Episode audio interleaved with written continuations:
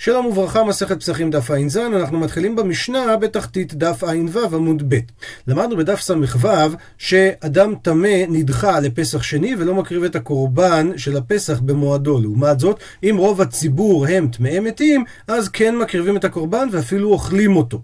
זה יוצא דופן כי, אומרת המשנה, חמישה דברים באים בטומאה ואינם נאכלים בטומאה. דהיינו, אין לך קורבן ציבור שנאכל, אלא אלו, החמישה שעוד רגע המשנה תגיד. וקורבן ציבור דוחה את הטומאה. באה המשנה להשמיע לנו, שאומנם הוא קרב בטומאה כדי להוציא את הציבור ידי חובה, אבל הקורבן הזה לא נאכל בטומאה. ומה הם חמש הקורבנות? העומר, דהיינו מנחת העומר שמתירה את החדש והיא קרבה ממחרת השבת, דהיינו ממחרת יום טוב של פסח, ושתי הלחם. שתי חלות שהכהן מניף אותם, ההנפה היא כמו ההקרבה בחג השבועות, יחד עם כבשי השלמים. השלישי, לחם הפנים, כן? 12 חלות שהיו עורכים משבת לשבת. הרביעי, זבחי שלמי ציבור, שזה כבשי העצרת, כי הרי אין שלמים אחרים שהם קורבנות ציבור. והחמישי זה סירי ראשי חודשים. שבין קורבנות המוסף בראש חודש היו מקריבים גם שעיר חטאת. אז הקורבנות האלה הם לא נאכלים בטומאה. לעומת זאת, הפסח שבא בטומאה הוא גם נאכל בטומאה. למה? שלא בא מתחילתו אלא לאכילה. מסביר רש"י, כשנצטווה עיקר הפסח לאכילה נצטווה, כי כתוב לפי אוכלו, ומה שהתירה התורה להביא אותו בטומאה, זה רק היה שאיש נדחה לפסח שני, אבל ציבור לא נדחין, וכל העניין היה כדי שהציבור יוכלו לאכול אותו בזמנו. שואלת הגמרא, חמישה למיעוטי מאי, אני הרי יודע לספור, אז בשביל מה אתה אומר לי חמישה דברים? עונה הגמרא, למיעוטי זה בא למעט חגיגת חמישה עשר. את קורבן החגיגה שאדם חייב להביא ביום טוב ראשון של פסח. ורש"י אומר, הוא הדין לעצרת וסוכות, אלא חד המיני הוא נקט, אבל בעצם זה אותו דין גם לחגיגה בכל אחד משלושת הרגלים. דסל כדעת אמינא, היה עולה על דעתך לומר, כיוון דקורבן ציבור הוא, וקביע למועד. אמנם כל יחיד ויחיד מצווה, אבל זה נקרא קורבן ציפור בגלל שמביאים אותו באספת חברים, ברוב עם, ברגל. אז הוא גם קורבן ציבור, גם יש לו זמן קבוע, אז אולי תדחי טומאה, אולי תדחה טומאה ואפשר להביא אותו בטומאה. כמה שמלן, משמיע לנו המשנה, דווקא חמישה. למה קורבן חגיגה הוא לא בחמישה? דאית לתשלומים כל שבעה. מזה שכתוב, וחגותם אותו חג לשם שבעת ימים, זה אומר שאתה יכול להביא אותו בכל אחד משבעת הימים. ממילא, לא דחיה שבת, זה לא דוחה שבת, ומדי שבת לא דחיה, ומזה שהוא לא דוחה שבת, לא דחיה טומאה. יש פה אקסיומה שבהמשך הגמרא תלמד אותה, את הקשר בין דחיית השבת לדחיית הטומאה. שואלת הגמרא, ונתננמי, למה אתה לא שונה שעירי הרגלים? דהיינו קורבן שעיר חטאת שמביאים במוספי הרגלים, הרי גם הם קרבים בטומאה ולא נאכלים בטומאה. עונה הגמרא, התנא ליה כן שנינו את זה במילים זבחי שלמי ציבור. כי זבחי שלמי ציבור הם מיני דמים, כן, זריקת הדם, והשמינן דאין נאכלים בטומאה, אז הוא הדין גם לשאר מיני דמים, דהיינו לכל הקורבנות בהמה שהם קורבן ציבור, וזה כולל את שעירי הרגלים. אז לפי זה שואלת הגמרא, אי הכי שעירי ראשי חודשים נמי לא נתני דהתנא זבחי שלמי ציבור. הרי גם שעירי ראשי חודשים הם כמו שעירי הרגלים. למה המשנה אמרה אותם בצורה מפורשת? עונה הגמרא, אמרי, הפכנו דף, שעירי ראשי חודשים איצטריך עלי. כן צריך להגיד אותם בצורה מפורשת. למה? כי אם לא הייתי אומר, סל כדעת החמינא, היה עולה על דעתך לומר, הלא כתיב בהו מועד. ואם לא כתוב בפסוק לגביהם מועד, אז אולי הם לא קרבים במצב של טומאה, כי הרי כל קורבנות הציבור, הגמרא בהמשך תאמר שכתוב בהם מועד. לכן קם אשמלן, אומרת אותם המשנה בצורה מפורשת, כדי ללמד אותך, דראש חודש, כן יקרי מועד, הוא כן נקרא מועד. אומרת הגמרא זה כדי אביי, כמו שאמר אביי, דאמר אביי, תמוז דהי שתה, תמוז באותה שנה, מלויי מליי, דכתיב, הוא היה חודש מלא, דהיינו של שלושים יום, כמו שכתוב בפסוק, באיכה קרא עלי מועד לשבור בחוריי. מסביר רש"י, תמוז של שילוח המרגלים, שמשה שלח את המרגלים, הוא היה חודש מלא, לכן לפי החשבון כלו ארבעים יום מאז שהם יצאו בתשעה באב. וככה כתוב בפרק בתרת התענית, וממילא הוקבעה להם בו בכייה לדורות. כי אם החודש לא היה מלא, אז 40 היום לא היו קלים מיד כשמתחיל תשעה באב, אלא במוצאי תשעה באב.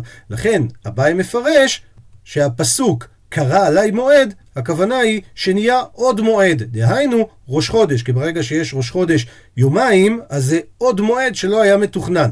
אז מכאן אנחנו רואים שיום עיבור החודש קר עם מועד, הוא נקרא מועד, ולכן גם בשעירי ראשי חודשים זה אותו דין כמו קורבנות הציבור האחרים שאמרה המשנה. אומרת הגמרא, למימרא, אז אנחנו רוצים לומר, דכול הוא ממועד עטו. דהיינו, שכל קורבנות הציבור מהמוה מועד למדנו את הדין הזה. מנעני מילי, איפה המקור לדבר הזה? דתנו רבנן. ברייתא ממסכת מנחות. כתוב, וידבר משה את מועדי השם. מה תלמוד לומר? לפי שלא למדנו אלא לתמיד ופסח. למה? שנאמר בהו במועדו. והמילה במועדו מלמדת אותך, תעשה אותו בזמן שלו, אפילו אם זה בשבת, במועדו אפילו אם זה בטומאה. אז דווקא זה כתוב לגבי קורבן תמיד וקורבן פסח. שאר קורבנות ציבור מניין? אז התשובה היא שנאמר, אלה תעשו להשם במועדיכם. שכל קורבנות המוספים שנמצאים בפרשה, גם עליהם המילה מועד נאמרה. ממשיכה הברייתא, מניין לרבות עומר והקרב עמו, שתי הלחם והקרב עמם, שגם הם דוחים שבת ודוחים טומאה. תלמוד לומר, מזה שכתוב בפסוק, וידבר משה את מועדי השם אל בני ישראל. הכתוב קבעו, מועד אחד לכולם. כי המילה במועדיכם שאמרנו אותה קודם, היא נאמרה בפרשת מנחס על קורבנות הציבור. ומה שכתוב עכשיו, וידבר משה את מועדי השם, אז בהמשך פה מופיע גם העומר ושתי הלחם. שואלת הגמרא, וכל הני למה לי? כל אלו למה לי? הרי מספיק לכתוב אחד, ואת כל השאר אני אלמד ממנו. עונה הגמרא, צריכי, צריך לכתוב את כולם. למה? די כתב רחמנה, אם הייתה כותבת התורה רק על קורבן תמיד, הווה אמינא, הייתי אומר, תמיד, למה הוא קרב בטומאה ובשבת? כי יש לו חומרה מיוחדת, שכן, תדיר, הוא הרי פעמיים ביום, וקליל, הוא עולה כולו על המזבח. אבל פסח לא, הוא לא תדיר, הוא לא עולה כולו, כמה שמלן, לכן באים להשמיע לנו שגם פסח אותו דין. והפוך, והיא כתב רחמנה, אם הייתה כותבת התורה דווקא על קורבן פסח, אז הייתי אומר, פסח שהוא אנוש כרת, זה החומרה המיוחדת בו, אבל קורבן תמיד, דאין אנוש כרת, אימה לא, תאמר אולי הוא לא יקרב בשבת ודוחה את הטומאה, לכן כמה שמלן, לכן צריך להשמיע לנו גם על תמיד וגם על פסח. נמשיך, והיא כתב רחמנה, ואם היה את התורה, הניתרתי את שני אלה, דהיינו את קורבן התמיד והפסח, הווה אמינא הייתי אומר, דווקא הני, דווקא אלו, הוא שיש בהם צד חמור. למה? כי בתמיד יש את התדיר ואת הקליל, ובפסח יש את חומרה שהוא אנוש כרת, אבל שאר קורבנות ציבור, אימה לא, אולי תאמר שהם לא קרבים בטומאה ולא דוחים את השבת, לכן כתב רחמנה בפרשת פנחס, אלה תעשו לשם במועדיכם. שגם הם דוחים את השבת ואת הטומאה. והיא כתב רחמנה, ואם היה כותב את התורה, אלה תעשו להשם במועדיכם, רק את זה, אז אף אמינא הייתי אומר ששאר קורבנות ציבור דווקא הבאים לכפר.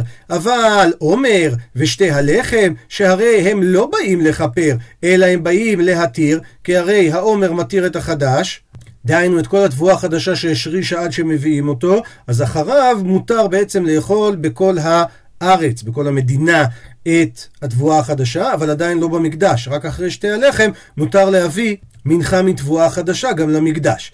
אז אולי תאמר שזה לא כמו שאר קורבנות הציבור, כן? אלא להתיר באלמנינו, הם רק באים להתיר ולא לכפר, לכן אולי לא, דהיינו, הם לא ידחו שבת ולא יקרבו בטומאה. כמה שמלה, לכן צריך להשמיע לנו את הפסוק בויקרא, וידבר משה את מועדי השם אל בני ישראל, כדי ללמד אותנו על העומר ושתי הלחם.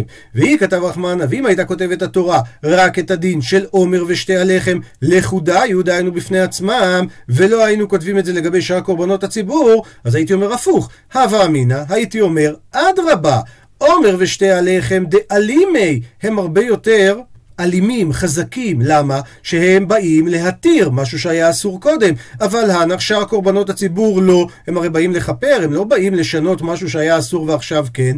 אז אולי הם לא ידחו את השבת ולא ידחו את הטומאה.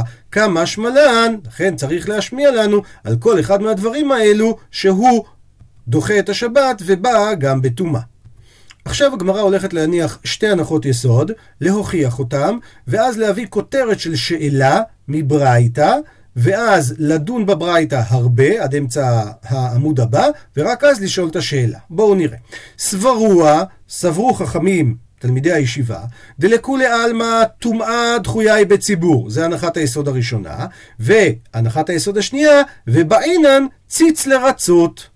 אז הנחת היסוד הראשונה של בני הישיבה הייתה שטומאה דחויה, דהיינו, אפילו שהתורה הכשירה להביא את הקורבן בטומאה, זה לא יותר גמור, אלא זה רק אחד בדיעבד שאין טהורים, וממילא, אם זה לא יותר גמור, לכן אנחנו עוברים להנחת היסוד השנייה. צריך ציץ שנמצא על מצחו של הכהן, כדי שהקורבן ירצה.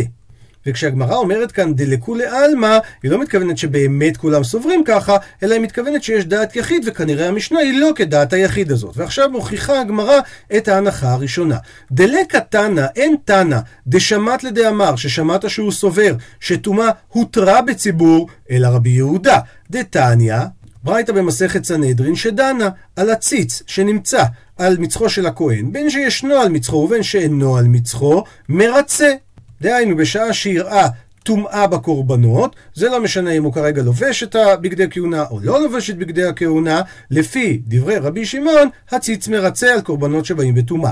לעומת זה רבי יהודה אומר, לא, אודהו על מצחו מרצה, אבל אם אין אודהו על מצחו, אינו מרצה.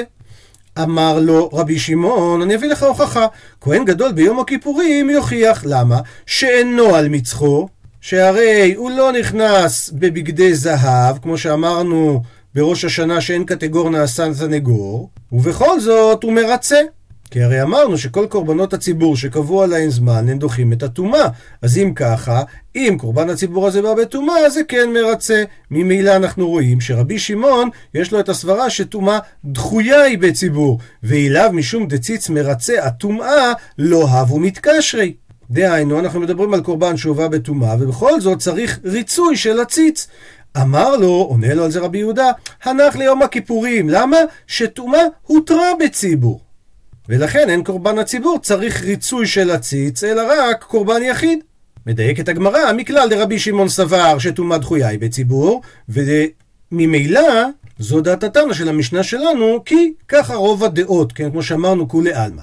הנחה שנייה, הוא דכולי עלמא אין הציץ מרצה על אכילות. הכוונה, הציץ לא מרצה שאפשר לאכול קורבן שהוקרב בטומאה, אלא רק על טומאת הדם והקמצים, דהיינו מה שנזרק. אז אפשר לזרוק, אבל אי אפשר לאכול.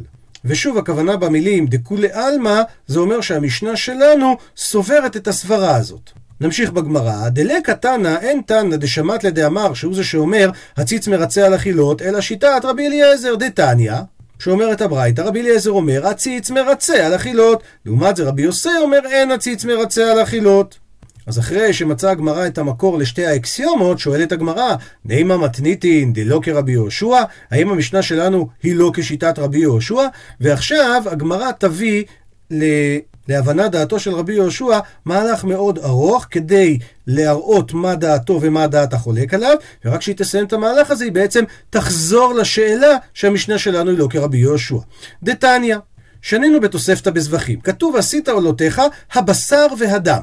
רבי יהושע אומר, זה מלמד שאם אין דם, אין בשר, והפוך, אם אין בשר, אין דם. דהיינו שאם אין בשר ראוי לאכילה, אז גם אין דם ראוי לזריקה, ולהפוך, שאם אין בשר ראוי, למשל הוא נטמע או נאבד, אז גם הדם לא נזרק. לעומת זאת, רבי אליעזר חולק ואומר, דם אף על פי שאין בשר, הוא כן נזרק. למה? שנאמר, ודם זבחיך יישפך, זאת אומרת, תשפוך אותו בכל מצב. אם ככה, ומה אני מקיים עם הפסוק, ועשית עולותיך הבשר והדם? לומר לך דין אחר, מה דם בזריקה? אף בזר בזריקה, זאת אומרת גם את הבשר צריך לזרוק על גבי המזבח, כמו שהדם נזרק על הקיר של המזבח, וזה מלמד, הווה אומר, לול קטן יש בין כבש למזבח. לול הכוונה שיש אוויר בין כבש למזבח. שלא היה ראש הכבש מחובר למזבח, שיש אוויר מעט בינתיים, והמסדר את האיברים עומד על הכבש וזורק אותם משם על מערכת העצים כדי לקיים את מצוות הזריקה. הנה הציור מהאתר של מכון המקדש, אנחנו רואים זה הלול, איפה שיש את המרווח של האוויר, ובעצם הכהן עומד על הכבש וזורק את זה על האש. עד לפה הברייתא, ועכשיו הגמרא מתחילה לדון במחלוקת בין רבי יהושע לרבי אליעזר. שואלת הגמרא ורבי יהושע, נמי הכתיב גם, הרי כתוב, ודם זבחיך יישפך, איך הוא מסביר את הפסוק הזה? אמר לך, יענה לך רבי יהושע, הכתיב גבי, הרי גם כתוב בהמשך הפסוקים, והבשר תאכל. אז מזה שכתוב והבשר תאכל, עלמא תאמר שהבשר קיים באינן, שכן חייבים שבשביל הזריקה גם הבשר יהיה ראוי לאכילה. הפכנו דף. אז אם ככה שואלת הגמרא, והנתרי קראי למה לי? דהיינו, למה אני צריך לשיטת רבי יהושע את שני הפסוקים? עונה לך רבי יהושע, כי פסוק אחד מדבר בעולה, ואחד מדבר בקורבן שלמים, וצריכה, צריך להגיד לנו את שני המקרים, כל אחד בפני עצמו. למה? דאי כתב רחמנה בעולה, אז הייתי אומר, הווה אמינא, עולה היא דחמירה, עולה יותר חמורה, לכן צריך להגיד בה את הדין הזה, שכן, למה יותר חמורה? שהיא עולה כליל על המזבח ואין בה אכילת בעלים, אבל שלמים דלא חמירי, שהרי בשלמים לא כל הבשר נשרף, אלא רק האמורים, אשר נאכל הבעלים, אז הם לא חמורים כמו העולה, אז אימה לא, אז אולי תאמר שכן זורקים את הדם אפילו שהבשר לא ראוי, לכן צריך להשמיע את הדין בשלמים. והפוך, ואי כתב רחמנה, אם הייתה כותבת התורה את הדין בשלמים, הווה אמינא, הייתי אומר, אדרבה, טוב שכתוב דווקא בשלמים, כי שלמים יותר חמור. למה? דאית בהו שתי אכילות. הכוונה, הם גם נאכלים לבני אדם וגם נאכלים על המזבח, לכן יש בהם את הדין של התלות בין דם לבין בשר. אבל עולה שהיא עולה כליל, דלת בה שתי אכילות, אלא רק אכילת מזבח, אימה לא, אולי אפילו אם הבשר לא ראוי, כן אפשר לזרוק את הדם, לכן כמה שמלן אומר רבי יהושע שצריך להגיד את שני הפסוקים. אז שואלת הגמרא, ורבי אליעזר נמי, הכתיב והבשר תאכל, כמו שאמר רבי יהושע קודם, בהמשך לזריקת הדם יישפך, אז אם ככה כתוב אחרי והבשר תאכל, זה אומר ששופכים את הדם רק אם הבשר ראוי לאכילה. אמר לך, יענה לך רבי אליעזר, ההוא מבא אלי, את הפסוק הזה צריך ללמד שאין הבשר מותר באכילה עד שיזרק הדם. דהיינו, סדר הדברים, קודם זריקת הדם, אחרי זה אכילת הבשר. שואלת הגמרא, אי הכי, אם ככה, אימה כולי לאחי ודעתה, אולי כל הפסוק בא ללמד את הדבר הזה? ואם ככה, את הדין של דם אף על פי שאין בשר, מנהלן, מאיפה תלמד את זה? אמר לך, רבי אלעזר, אם כן, אז נכתוב רחמנה, הייתה צריכה התורה לכתוב, הבשר תאכל, והדר, ואחר כך לכתוב, ודם זבחיך יישפך, כדכתיב ברישא, כמו שכתוב בראש הפסוקים שם. שכתוב, ועשית עולותיך הבשר והדם. ואנחנו רואים שמה הסדר? קודם בשר ואחר כך דם. אז מה ישנה? מדוע שינתה התורה דאקדמי לדם זבחיך, והקדימה את המילים דם זבחיך ורק אחר כך והבשר תאכל? לומד מזה רבי אליעזר, שמע מינה את הדין של דם אף על פי שאין בשר, ושמע מינה, ותלמד מזה גם את הדין שאמרנו קודם, שאין הבשר מותר באכילה עד שיזרק הדם. זה כמו פינג פונג, עוברת הגמרא עכשיו לרבי יהושע. ורבי יהושע, את הדין של אין הבשר מותר באכילה עד שיזרק הדם, מאיפה הוא לומד אותו? עונה רבי יהושע, קל וחומר הוא. איזה קל וחומר? ומה אמורים, דהיינו האיברים הפנימיים שנזרקים על גבי המזבח, דליחילתנהו, שאם אין אותם לא מעכבי, הם לא מעכבים, ואפשר לאכול את הבשר, כי איתנו, ובכל זאת כאשר כן ישנם האמורים, מעכבי, הם כן מעכבים ואתה לא יכול לאכול לפני שרפתם, אז נלמד קל וחומר של דם שנזרק על ברזי המזבח, דחילייתי שאם אין דם הוא כן מעכב, אז ודאי שכי איתי, ודאי שכאשר הדם כן ישנו, לא כל שכן שהוא יעכב את אכילת הבשר. ושואלת הגמרא, ורבי אליעזר, למה הוא לא לומד את הקל וחומר כמו רבי יהושע, וזה יפנה לו את הפסוקים כדי ללמוד כמו רבי יהושע, שאם אין בשר אין דם, עונה לך רבי אליעזר, מילתא דעתיה בקל וחומר, דבר שנלמד בקל וחומר, כן יכול להיות שטרח וכתב לקרא, שהפסוק יכתוב אותה בכל זאת. ורבי יהושע, למה הוא לא נוקט שאולי התורה אכן כתבה את זה אפילו שזה בקל וחומר? כי הוא יגיד לך, כל איכא דאיכא למדרש, דרשינן. אם יש פסוק מיותר ויש לנו מה לדרוש, אנחנו נעדיף לדרוש, ולא להגיד שהוא הגיע אפילו שיכלנו ללמוד את זה בקל וחומר. עד לפה בעצם הגמרא ביארה את דעותיהם של רבי אליעזר ורבי יהושע. ועכשיו אנחנו חוזרים לשאלה ששאלנו בדף הקודם. שאמרנו האם המשנה שלנו היא לא כרבי יהושע? אומרת הגמרא, השתא, עכשיו, אחרי שראינו את הדעות, לימו מתניתי, נאמר שהמשנה שלנו היא דלא כשיטת רבי יהושע, למה? דכיוון דאמר, שמה רבי יהושע באינן צריך את שני הדברים, גם את הבשר וגם את הדם שיהיו קיימים, אבל אנחנו ראינו הנחת עבודה שהציץ, האכילות לא מרצה. דהיינו שבמצב של טומאה אין ריצוי של הציץ לגבי אכילה. אז אם ככה, היכי אתי בטומאה. לפי שיטת רבי יהושע לא ייתכן מצב שקורבן ציבור יבוא בטומאה, כי הרי אי אפשר לזרוק את הדם שלו, כי אי אפשר לאכול אותו.